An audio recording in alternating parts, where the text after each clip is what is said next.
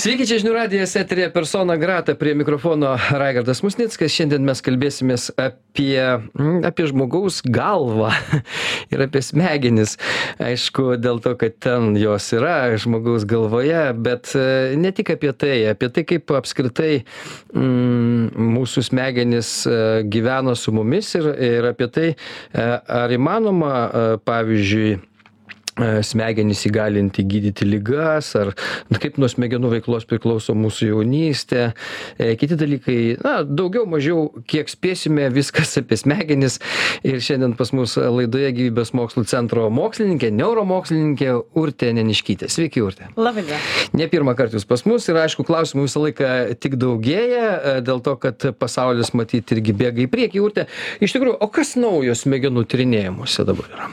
Šią savaitę antrą kartą jau šito klausimo mm. sulaukiu ir, ir čia yra e, labai lengva užduoti tokį klausimą, labai sudėtinga atsakyti. Mm.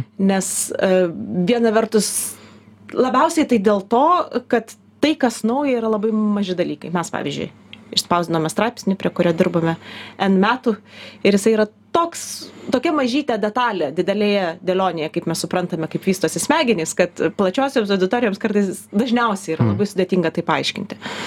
Tai kažkokių, turbūt įdomiausias dalykas, kuris buvo pastarąsias savaitės, buvo tai, kad e, Neuralinkas Elono Musko jau pranešė, kad jau gavo leidimą žmogaus smegenyse išbandyti savo technologijas. Bet vėlgi, jeigu žiūrėsime, ar tai nauja moksliniuose tyrinėjimuose, iš tiesų tai nelabai. Nes, nes apskritai? implantuoti, mm. implantuoja, smegenų implantai jau yra naudojami medicinoje daug metų iš tiesų.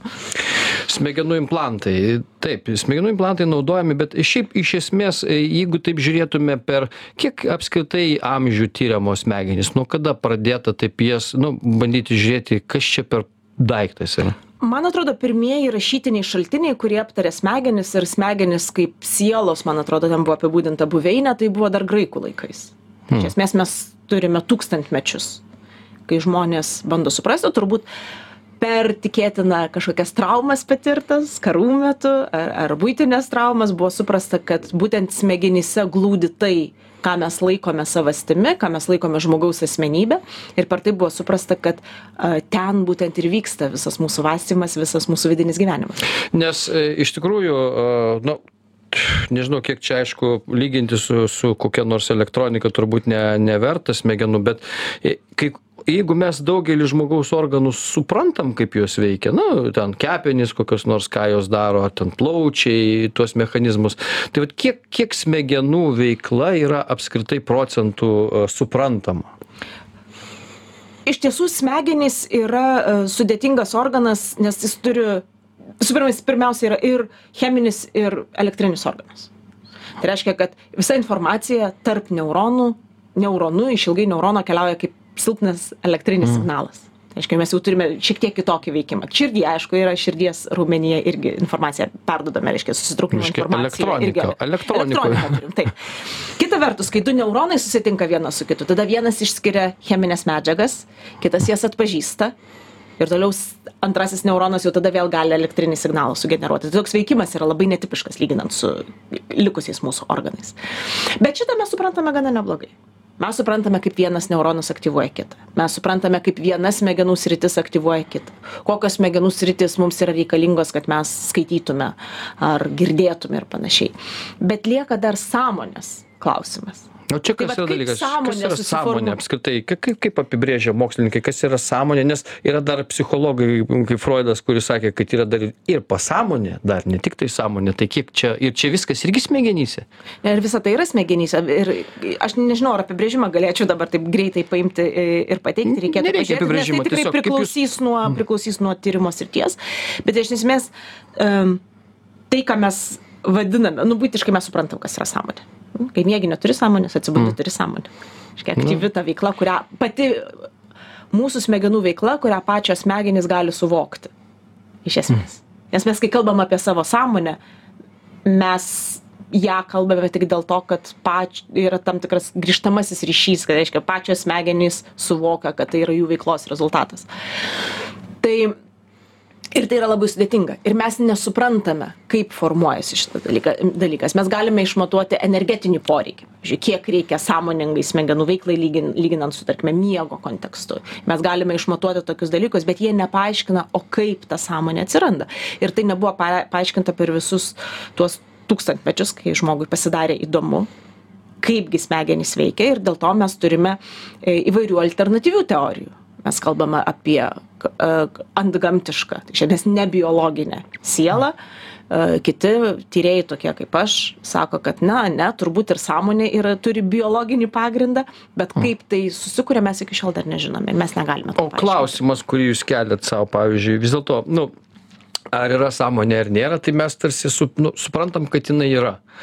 O o koks būtų klausimas ką ką joje kaip kaip reiškia kas turėtų atsakyti kokie reiškiniai kad nu vis tiek e, tyrinėjant sie e, sąmonę koks būtų klausimas na yra sąmonės kažkokios ribos yra sąmonės a nežinau sfera kažkokia tai kur jinai baigiasi kur prasideda. Ko koks tas klausimas? Kada jūs galėtumėt sakyt va o radau sąmonę Tai kadangi aš šitais tyrimais neužsiemu, nėra mano mokslinių tyrimų sritis, tai aš tokių klausimų nesu bandžiusi su, suformuluoti iš tikrųjų. E, bet iš principo, kas galėtų atskleisti kaip ta sąmonė atsiranda tai naujieji tyrimai kurie atliekami su smegenų organoidais.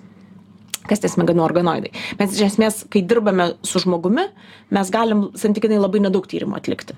Nes mes galime naudoti tiktais neinvazinius tyrimus arba jeigu yra kažkokia patologija tada šiek tiek invazinių bet iš tikrųjų labai paviršutiniškai galime stebėti kas kas gi vyksta smegenyse. Kai mes naudojame gyvūnų modelius mes tuomet prarandame tą unikalų kuris panašu kad yra kažkokį unikalų žmogiškumą tą žmogiškojo smegenų veiklos lygmenį kuris panašu kad egzistuoja ir ma matome kad yra kažkokie principiniai skirtumai kuo skiriasi žmogaus smegenų veikla nuo gyvūnų smegenų veiklos. Ir e, prieš keletą metų gal dešimtmetį buvo atrastas būdas kaip galima paimti žmogaus ląsteles iš jų sukurti neuronų pirmtakus ir leisti tiems pirmtakams suformuoti ne smegenis, smegenų organoidą mėgintuvėlėje. Mm. Ir ką jisai? Tada galima pradėti vertinti, kaip tas organoidas veikia, ką jisai daro ir panašiai. Ir tada iškyla, aišku, labai daug iš karto etinių klausimų. Nes mes suprantame, kad jeigu tas organoidas jau turės sąmonę, kaip mes suprantame, mm. tai jau nebetiška turbūt būtų jį tyrinėti, nes tai ne, nebelieka vėlgi. Mums sąmonė yra labai svarbus e, žmogiškumo elementas, identiteto elementas ir yra laikoma kad jeigu mes turėsime smegenis kurios nėra kūne smegenų mhm. organoidą kuris nėra kūne bet jau turi sąmonę reiškia vyksta tas jau vidinis gyvenimas tai jau yra nebeetiška juos tyrinėti bet kol kas vėlgi jūsų klausimas labai geras o kaip mes įvertinsime ar ta sąmonė ten yra ir kada ta sąmonė jau atsiranda. Ir lengvų atsakymų nėra ir aš nemanau kad mokslininkų bendruomenė yra susitarusi ką kaip mes galime išmatuoti kada tokiam organoide atsiranda sąmonė. Nes nes visą laiką tada viskas nurašoma toliau die dievo rankai sielai ten kitiems dalykams nes na jeigu mokslininkai šitoj vietoj čia ne neturi to labai aiškaus apibrėžimo ir atsakymo kada ir kur nu tai tada kaip ir gyvybė vat ką jūs sakote apie smegenis tai lygiai taip pat gi abortų atveju kada gyvybė atsiranda ar čia reikia ar ne jeigu čia yra ar ten embrionas turi ar neturi. Ir tie dalykai prasideda ai tada o kas yra gyvybė?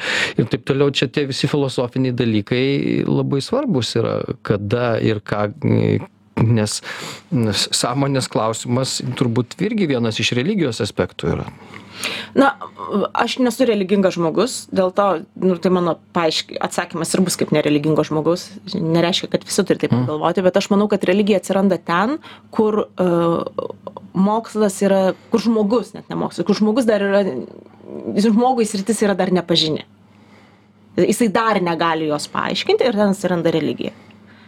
Kažkada religija aiškino žaibus, dabar religija nebeaiškina žaibų, nes žmogui žaibas tapo pažinus reiškinys. Kažkada e, žmogui buvo nepažinios sausros, derlius ir nederlius, mhm. skėriai ir, ir, ir neskėriai ir visi tie dalykai buvo aiškinami per religijos prizmę. Kai mes supratome biologinius ciklus, kai mes suprantame meteorologinius ciklus, religija pasitraukė iš to domeno. Tai kadangi sąmonė yra vis dar nepaaiškintas domenas, tai neišvengiamai joje ir išlieka religija vis dar tiems žmonėms kuriems e, kurie saugiau jaučiasi turėdami kažkokį paaiškinimą pavyzdžiui religinį paaiškinimą negu neturėdami jokio mano atveju man nebaisu nežinoti galiu sakyt aš tiesiog nežinau ir su tuo yra viskas gerai Tvar, tvarkoj. E, Dėkui, Urtė Niškytė, e, neuromokslininkė, šiandien pas mus e, padarom pertrauką, po pertraukos pratesim.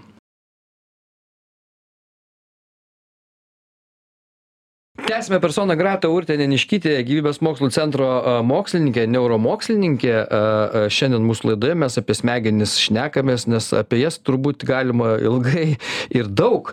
Ir kalbant, vis dėlto jūsų akimis žiūrint, tai svarbiausias organas ar ne žmogaus organizme? na mes negalim gyvent be smegenų mes negalim gyvent be širdies mes negalim gyvent be inkstų mes gyven negalim Bet gyvent gali dirbtinė širdis būti. Bet taip, bet aš turėjau bet tada mes sakome, bet mes galime turėti dirbtinę širdį, mes galime transplantuoti inkstus, mes galime transplantuoti kepenis ir tai nepakeičia manęs, koks aš esu. Smegenų unikalumas turbūt yra tas, kad tai, kaip aš suvokiu save, slypi būtent smegenyse. Ir buvo toki, toks fantastinis filmas, labai seniai, tas vaikas dar buvau mokykloje, kur transplantavo smegenis. Mm. Iš Ir kiekvienos dabar tokių moters. filmų dar yra nemažai. Jo, nežinau, dabar nesužiūrėjęs, bet aš atsimenu, tą jis man tuo metu padarė įspūdį, aš paauglė turbūt buvau, kai, aiškiai, pertransplantavo iš vienos moters e, smegenis kitai moteriai, ar po avarijos, ar po, ar po kažko, gal viena pakliuvo į avariją, kitai smegenų vė- vėžys buvo kažkas tokio. Ir tada klausimas, kieno, kas tas žmogus dabar yra, kuris atrodo vis vienaip, bet visa smegenų veikla yra visai kita. Ir vis dėlto mes tą identitetas mūsų yra smegenys ir mes negalim gauti smegenų transplanto ir, ir būti tuo pačiu, kur esame. Tarsi aš esu tas, kas yra smegenys. Ir yra nesvarbu, kas yra likęs kūnas. Bet, bet apskritai apie transplantaciją kalbos nėra jokios, ar ne? Ir įmanoma transplantuoti Tai smegenį? yra ir ten ir iki šių laikų buvo ten e, tokių tyrinėtojų, kurie ten ieškojo ne smegenis pačias, bet galvą būdų transplantuoti. Ai, nu galva. Jo, kad galvą perkelti ir ten buvo žadama daug visko. e, Moksliniai bendruomeniai tuo buvo netikima, nes iš tikrųjų mes žymiai paprastesnių traumų nesugebame sutvarkyti, tai nieko ne, negalima kalbėti apie galvos transplantavimą. Bet tikrai nėra šnekama ir nešnekama būtent dėl to, nu vėlgi galva gal galima būtų transplantuoti. Nu, kūnas nebeveikia. Mm. Jeigu mes atrandame technologiją, kaip galime visus nervus sėkmingai sujungti, uh, reabilituoti ir, ir kodėlgi ne? Ir, šviežio kūno. ir, Uždedame ir veiktų, manote, nu kurį Nu, laiką je- veiktų. Jeigu, jeigu, jeigu atrastume technologiją. Kūnas atmestų greičiausiai galvą svetimą arba galva kūną atmestų. Reikėtų labai stiprių imunosupresantų. Vis dėlto man įdomus e, momentas yra, mm, žinot, aš a, žiūrėjau į savo katę. Iš vis daug klausimų gyvenime kyla man žiūrint į mano katę ir aš galvoju, tai jinai jaučiasi pakankamai laiminga. Jai šiaip jau nemažai metelių yra, didesnę gyvenimo dalį jinai nugyvenusi, bet jinai laiminga dėl to, kad jinai nelabai suvokia, kas jos laukia, tiesą sakant, kad jinai ten nugyveno, kad ten, e, reiškia, kad Afrikoje badas, jinai nelabai supranta, kad yra kažkokie dar nelaimingi kiti katinai, kurie vaikšto ir neturi ką valgyti, o jai užtenka ten kniauktelti ir viskas atnešta ir taip toliau. Ir jinai, nu, tarsi man atrodo iš pažiūros kailis blizga jinai vartosi laimingai. Ir e, ar iš tikrųjų gyvūnai nesupranta nieko apie gyvenimą, apie tai, kad jie mirs, kad jų gyvenimas laikinas, jie jaučia tuos dalykus ar ne kažkaip tai. Vat, a, nu, aš jaučia tai gal jaučia, bet ar samoningai supranta, taip galima sakyti, kuo skiriasi žmogaus smegenys nuo gyvūnų. Aš negalėčiau pakomentuoti apie kates, Nu, bet apie šunis turbūt. Katės gal nelabai mus myli iš tikrųjų, gal mums jie nelabai mes rūpim. Bet pavyzdžiui, su šunimis gi yra tų istorijų, kai šeimininkas miršta mm, ir šuo liūdį ir laukia. Tai tas praradimo aspektas yra aiškus. Su primatais, aukštesniaisiais primatais, šimpanzėmis yra padaryta tyrimų, kadangi tai ilgai gyvenantis gyvūnai, jie užmesga artimą ryšį su žmonėmis, su kuriais gyvena.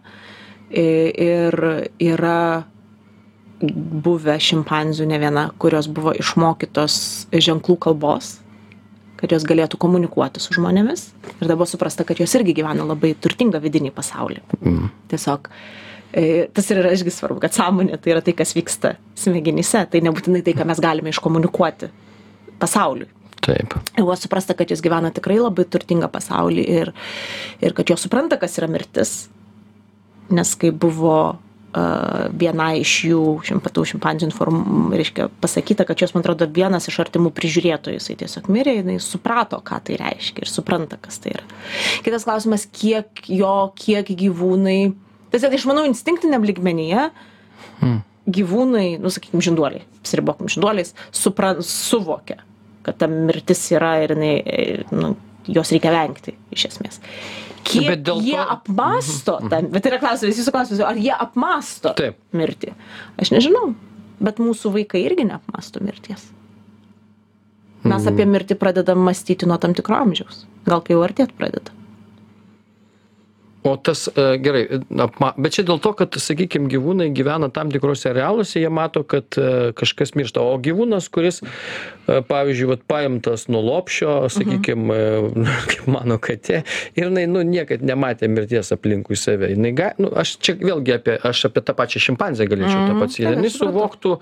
Pasaulio sudėtingumą iš esmės tas turiningas gyvenimas gal jie tiesiog nu dingsta žmogus ir jie suvokia kad kažkur jisai labai toli dingo gal bet va tokio išnykimo proceso paties ne nelabai suvokia. Bet ar jūs nemanote kad jeigu mes žmogų ištrauktume iš jos kul iš jo kultūros mm, bet tupdytume į olą ar ne? taip ir izoliuotume nuo nuo mirties ir nuo viso kultūrinių apipasakojimų įvairių? Pasakos religiniai pasakojimai knygos filmai be viso to nu vis tiek mes daug kur šnekam apie mirtį bet jeigu mes izoliuotume žmogų nuo viso to kultūrinio konteksto aš nesu tikra kiek mums tai būtų aktualus klausimas.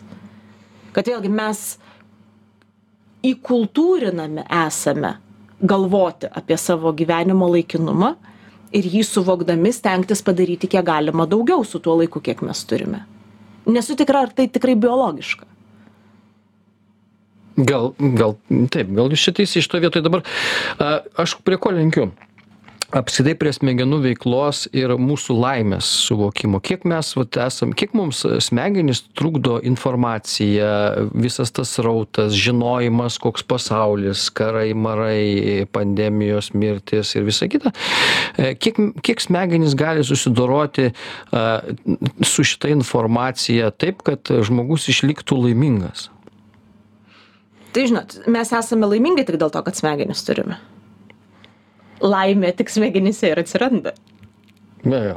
Čia visą tai jūs taip supriešinote smegenis su laime bet be smegenų tai laimingi tikrai mes nebūtume. E, galbūt jūs turite omenyje kiek aukštesnės jos kognityvinės funkcijos būtent tas loginis mąstymas kažkoks idėjinis lygmuo kiek tai leidžia mums gyventi malonų ir palankų emocinį gyvenimą tai čia turbūt labai priklauso nuo to kaip mes išmokstame gyventi ką mes išmokstame vertinti nes um, gyvenimas yra visoks visiems mums yra visoks. Ir, ir mes visą laiką turi rasim... susidoroti su ta informacija, peržengti per save tam tikrą prasme ir sakyti, ir pagražinti uh, visą, reiškia, mūsų būtį, na, sakyti, nu, gerai, viskas čia netaip gerai, bet, bet iš esmės mes pabandykime pasakyti, kad nesijaudink. Nu, tokia, tokios nežinau globėjišką funkciją atlieka smegenys tam tikrą apsaugos nuo išorės grėsmių nuo kažkokio mūsų išprotėjimo nuo nuo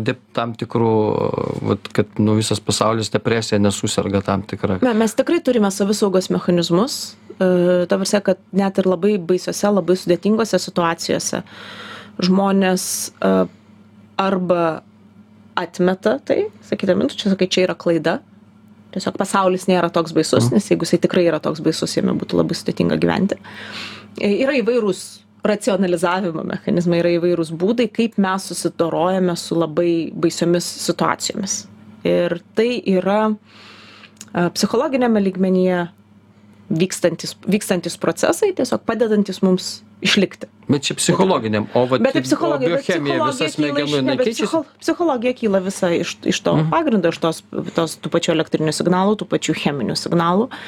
Um, tai yra tiesiog mes šnekam apie psichologiją mes šnekame ne apie konkrečius du ar tris neuronus susijungusius mes jau šnekam apskritai apie smegenų visų veiklą ir iš esmės kokį mes rezultatą turim. Ir jeigu jūs manęs klausiate o tai kokios smegenys na neuromokslininkas jis sakytų na tau reikia kad aktyvuotųsi prieškaktinė smegenų žievė tada jinai sąveikauja su migdoliniu kūnu kur yra neigiamos emocijos apdorojamos ir ten kažkas įvei įveika kažkokia atsiranda.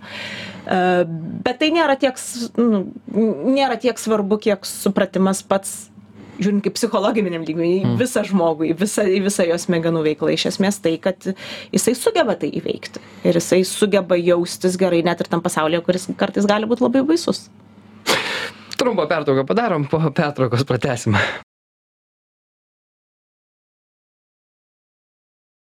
Tęsime personą Gratą, Urtė Deniškytė, gyvybės mokslų centro neuromokslininkė. Šiandien pas mus laidoje mes apie smegenis kalbamės. Iš tikrųjų, aišku, sunku pasakyti, kiek, kiek, kiek mokslas pasieks ir, ir kiek mes žinosime apie smegenis viską, bet, bet šiai dienai, pavyzdžiui, galima įgalinti smegenis, sakykime, vis tiek, jeigu jos yra centras visko ir, ir darbuojasi, sakykime, prižiūri ten galbūt ir kitus organus, nežinau, kiek tai yra, įgalinti, pavyzdžiui, gydyti lygas m, kažkaip tai s- s- organizmą, ten, nežinau, pažiūrėti, kas serga pas mus, arba jau spėti prieš tai pažiūrėti, kaip serga ir pradėti ten gydyti. Ne, mūsų smegenys tai tikrai prižiūri ir žino, kada mes sergame. Yra specialūs smegenų centrai, kurie vertina, kokiagi ta situacija yra mūsų periferijoje, visam likusiame kūne. Ir pavyzdžiui, pakilusi kūno temperatūra, jinai pakyla tik tais dėl to, kad smegenys iš tiesų pajunta, kad jau yra uh, uždegimą sukeliančios medžiagos. Aišku, yra kažkokios virusai ar virusai, ar bakterijos, ar netiesiogiai, bet kūnas jau sureagavo, kad yra virusų ir bakterijų, tai reiškia dar reikia ir pakelti temperatūrą, kad padėtų tuos patogenus sudoroti. Tai iš tikrųjų ta sąveika tarp kūno ir smegenų iš tiesų yra e, labai glaudi. Kitas labai svarbus dalykas yra tai, e, kad atlikus nemažus ir gana detalius ir išsamius tyrimus buvo nustatyta, kad placebo efektas, kai mes kalbame apie bet kokį gydimą, ar tai būtų medikamentinis gydymas, ar tai būtų gydymas nemedikamentinėmis priemonėmis, jisai sudaro apie 30 procentų poveikio. Kas yra nemažai. Aiškiai, jeigu aš vartoju vaistą ir manau, kad jis man neveiks, kad jis man yra netinkamas, tai jis man veiks apie 30 procentų silpniau. Nu, čia vidutiniškai mes turime suprasti. Čia yra vidurkiai, aš nesiūlau žmonėms pradėti minties gale gydytis vėžio Mm. ar cukrinio diabeto ir panašių, nu, mes irgi turime suprasti ribas, kur yra, kur yra labai aiškios biocheminės priežastys, iš kur atsiranda lyga.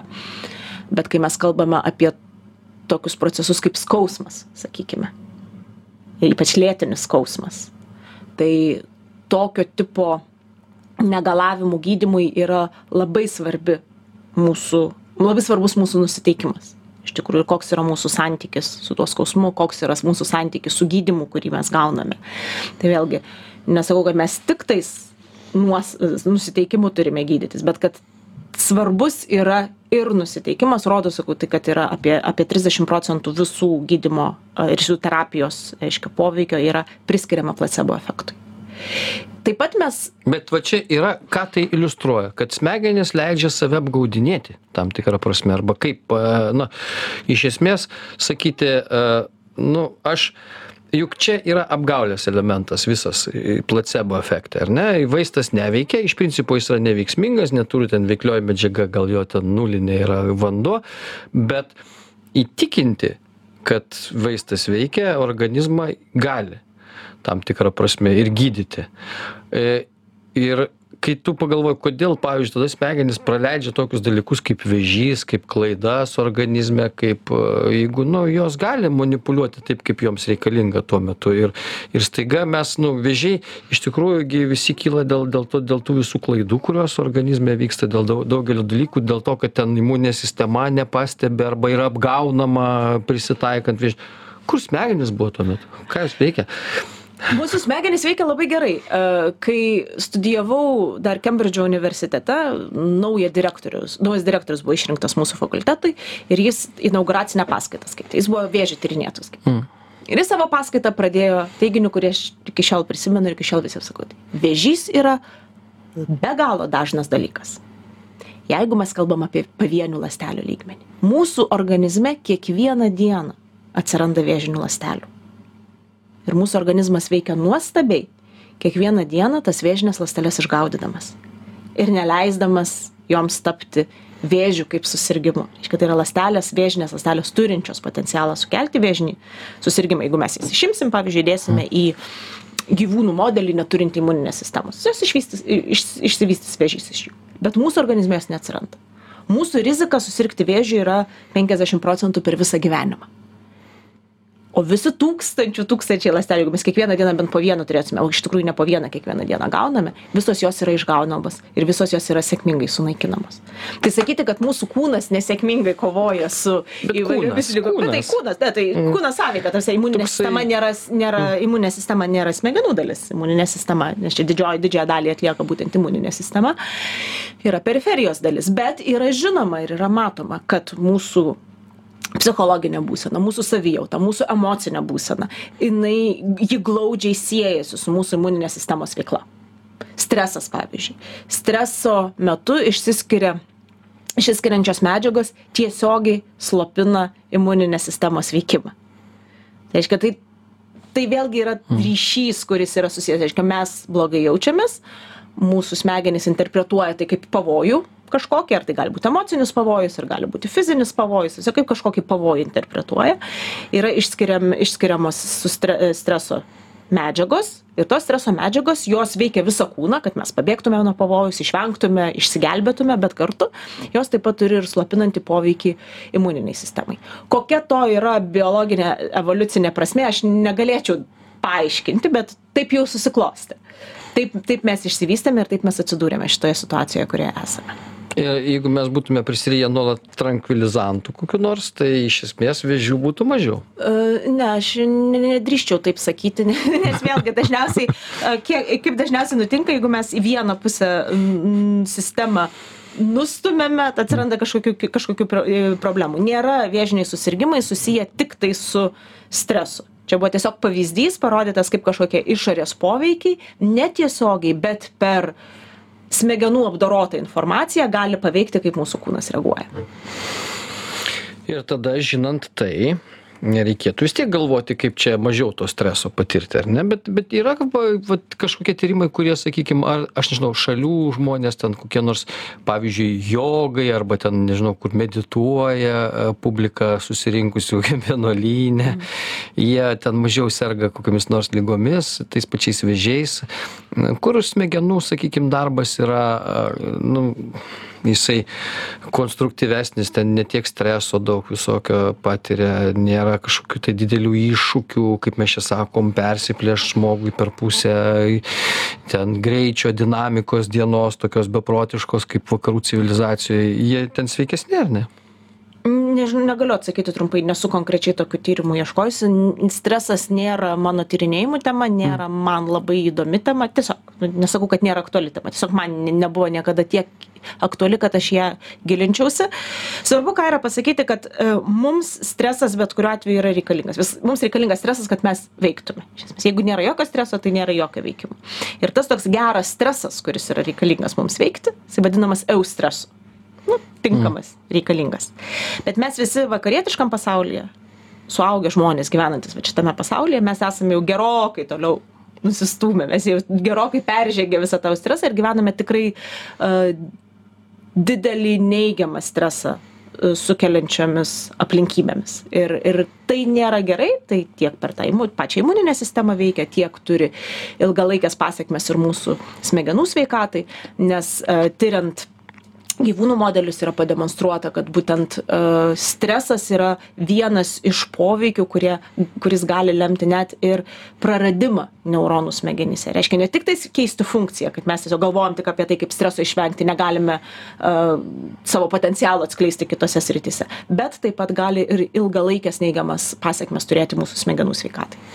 Bet apie tai kažkaip reikia galvot tada kad tos smegenys nebūtų tokios taip jau sus susiduriančios su stresu nuolat gal tai reikia kažką joms padaryti kad jos ne gal taip ne smegenims reikia padaryt smege aš ne nesakyčiau kad smegenys nu netinkamai šalčiau reaguot interpretuoja pavyzdžiui tuos į viską. Kaip padaryt kad šalčiau reaguotų žmogus? Nu vat nori jos užsikurti smegenys ar ne? A ten nežinau ir mm, ten ramiau mygtuką kokį nors galima būtų prijungti M- distanciją. Man tai truputėlį skamba kaip simptominis gydymas, nes jeigu mes šnekam, kad gyvename tokiomis aplinkybėmis mes iš tikrųjų tikrai patiriame daugiau streso negu patiria žmonės kitokiomis aplinkybėmis gyvendami. Ten rinkėjai medžiotojai mažesnį stresą tikrai patirdavo negu mes patiriame. Taip. E, tai gal reikia ne ne smegenų reakcijas keisti kurios yra senos. Mes esam labai labai nu gana sena rū nu ne nesam labai sena rūšis bet sena rūšis palyginus tuo nes su tuo kiek mes gyvename šitomis aplinkybėmis. Su tokiomis aplinkybėmis ką šimtą metų gyvenom porą šimtų metų.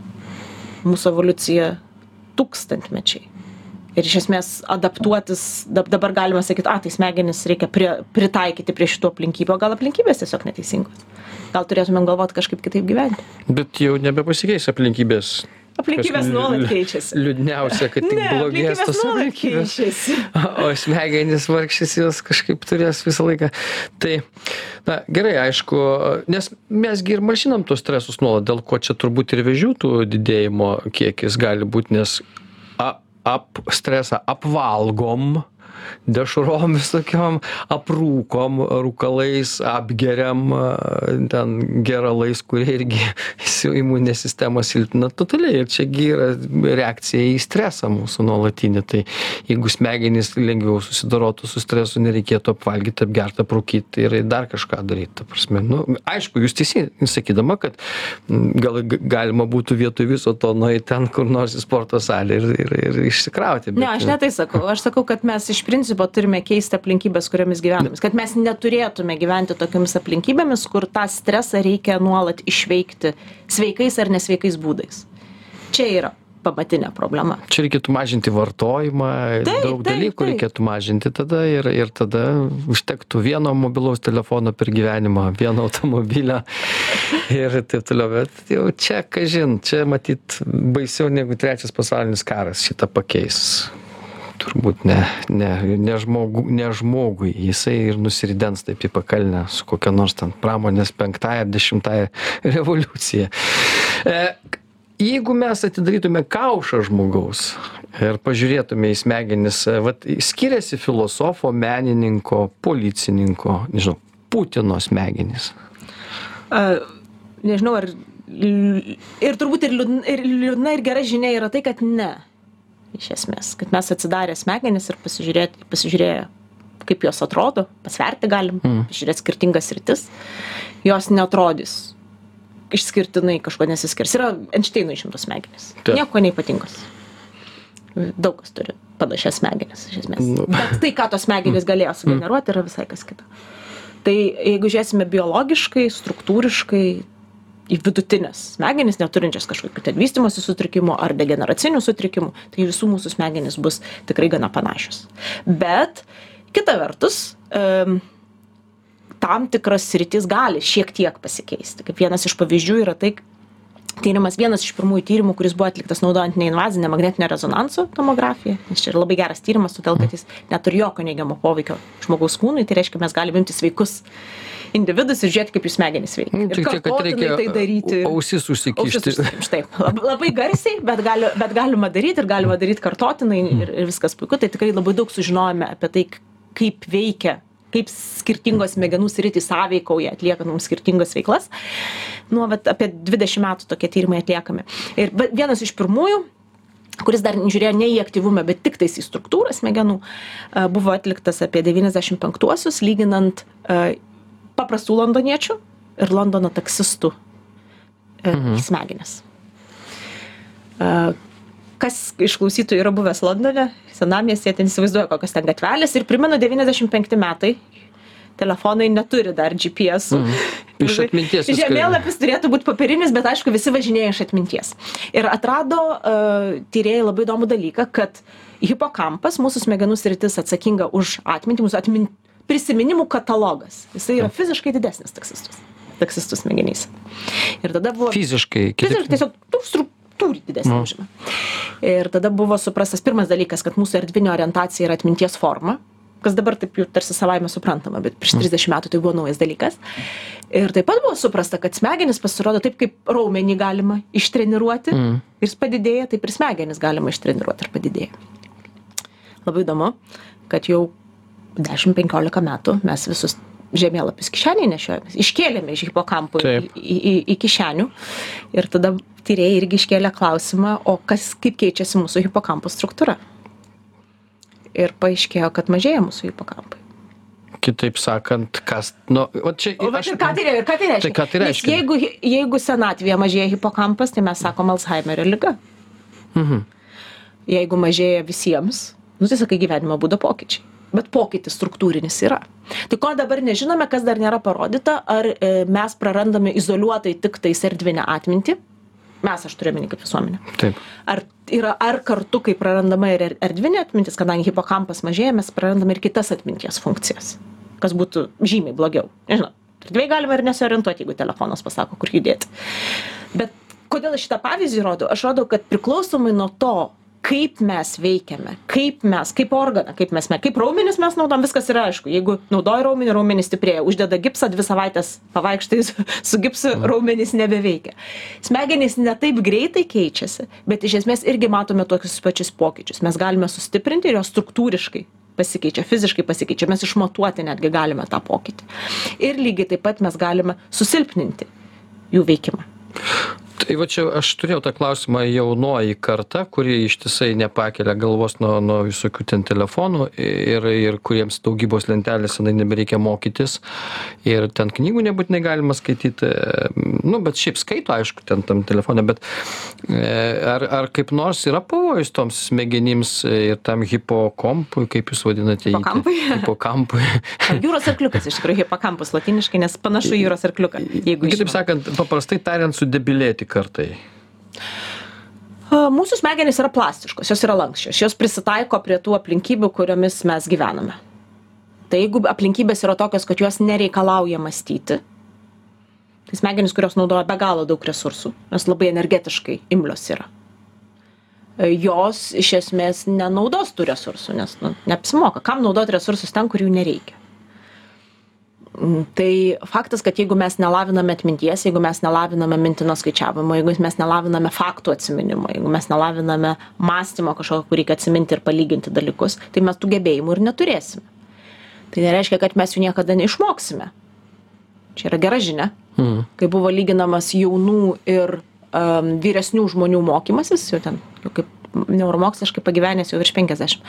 Tai ten, man atrodo, 55 buvo maždaug amžiaus grupė, buvo pastebėta, kad mokymosi efektyvumas nesiskiria tarp jaunų ir vyresnių žmonių. Tiesiog jauni žmonės remiasi savo dar biologiniu lankstumu smegenų, kad tiesiog smegenys yra imlesnės, o vyresni žmonės moko, moka mokymosi strategijų. Jie pritaiko mokymosi strategijas ir tada galiausiai rezultatas yra tas pats. Tai čia turbūt pozityvi nata yra ta, kad iš principo net jeigu dabar yra nelavinamos įvairios funkcijos, nes dabar atrodo, kad jų nereikia.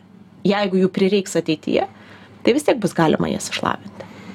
Bet čia atsiranda kultūriniai, sociologiniai klausimai, kartų skirtumai iš esmės. Ar nėra taip, kad mes iš įpročio, suprasdami pasaulį toks, koks jis buvo mums, sakome, kad ir jaunoji karta turi mokėti viską tą patį, ką mes mokėjome, nors jiems to nebereikia, nes aplinkybės pasikeitė. Aš irgi sena karta esu aš irgi norėčiau, kad visi mokėtų, kiek aš ir dar truputėlį labiau kaip, kaip, kaip renesanso laikais, aš gal norėčiau, kad žmonės mokėtų. E, Čia išsilavinę renesanso laikų žmonės. E, Tai irgi jau esu senoji karta, bet šiaip žmogus tiesiog prisitaiko.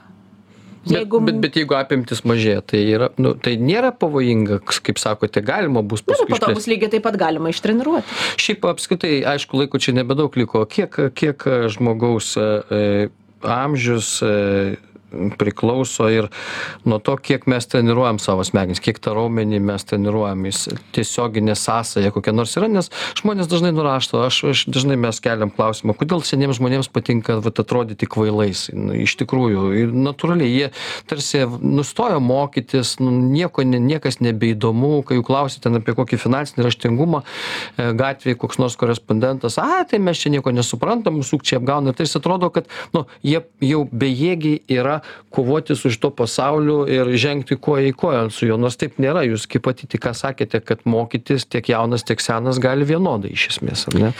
Jeigu mes žiūrėsime biologiškai smegenų senėjimą, tai pirmosius pokyčius biologinius galima pastebėti ties 50 metų.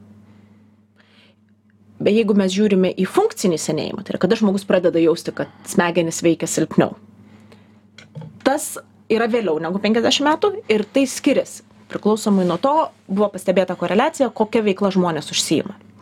Ir tada buvo iškelta hipotezė kad gal tam tikros veiklos mažina smegenų senėjimą. Prieš porą metų buvo labai didelė studija a, jungtinėje karalystėje apie dviejų milijonų žmonių. Apibendrinanti tokia dviejų milijonų žmonių studija buvo išleista kuri pasakė ne nepriklausomai kokia veikla mes užsiimam mūsų smegenys sensta vienodai. Reiškia sensta mažėja jų tūris neišvengiamai. Nuo penkiasdešim jau tikrai viskas tik žemyn jeigu apie biologinį senėjimą šnekame. Bet skirtumas tarp to kada aš pradedu jausti kad mano smegenys sensta išlieka. Tai reiškia kad tas senėjimas biologinis senėjimas nesustabdomas bet funkcinis senėjimas gali būt sustabdomas. Ir tą funkcinį sustabdymą e, funkciniam tam sustabdymui aktualiausia yra protinė veikla, kuri, kaip dabar yra manoma, sukuria kognityvinį rezervą. Kognityvinį rezervą aš mėgstu palyginti su pensija. Mm. Kol dar jaunas ir, ir, ir gali, dirbi, sukaupi kažką ir po to gali pensi, sen, senas gyventi. Tai tam tikra prasme ir su mūsų smegenimis, kai mes aktyviai naudojame savo smegenis, mes sukūrėme kognityvinį rezervą, kuris lemia, kad net ir smegenims biologiškai pradėjus senti, funkciškai mes dar to nejaučiam. Iški simptomo to, kad senstam, yra nejaučiam. Tai didžiausią kognityvinį rezervą sukuria dvikalbystė, iki gali nuo penkių iki septynių metų papildomų duot reiškia aktyvi dvikalbystė. Ne tai kad mokykloj kažkada mokiausi bet nuolat tai lietuviai iš esmės dvi tris kalbas šiaip ar taip naudoja. Tai čia labai gerai mums visiems yra. Tai reiškia penki septyni metai kas yra tikrai nemažas skirtumas. Ir apskritai yra parodyta kad protine veikla užsiimantys žmonės tuos senėjimo simptomus funkcinių senėjimo simptomus patiria vėliau negu tie kurie protine veikla neužsiima Gaila, kad laikas baigėsi, kad laikas, mūsų smegenys laiką irgi supranta kaip daiktą, kurį reikia taupyti arba ten labai išnaudoti prasmingai. Mes čia labai prasmingai su jumis išnaudojame ir dar galima būtų dar kelias valandas šnekėti, bet tai atidėsim kitiems kartams. Klausimų labai daug apie smegenis dar yra. Jie nesibaigia. Urtė Neniškytė, gyvybės mokslo centro neuromokslininkė. Šiandien pas mus laida. Ačiū, Urtė, kad atvykote. Iki kitų kartų. Iki kitą kartą.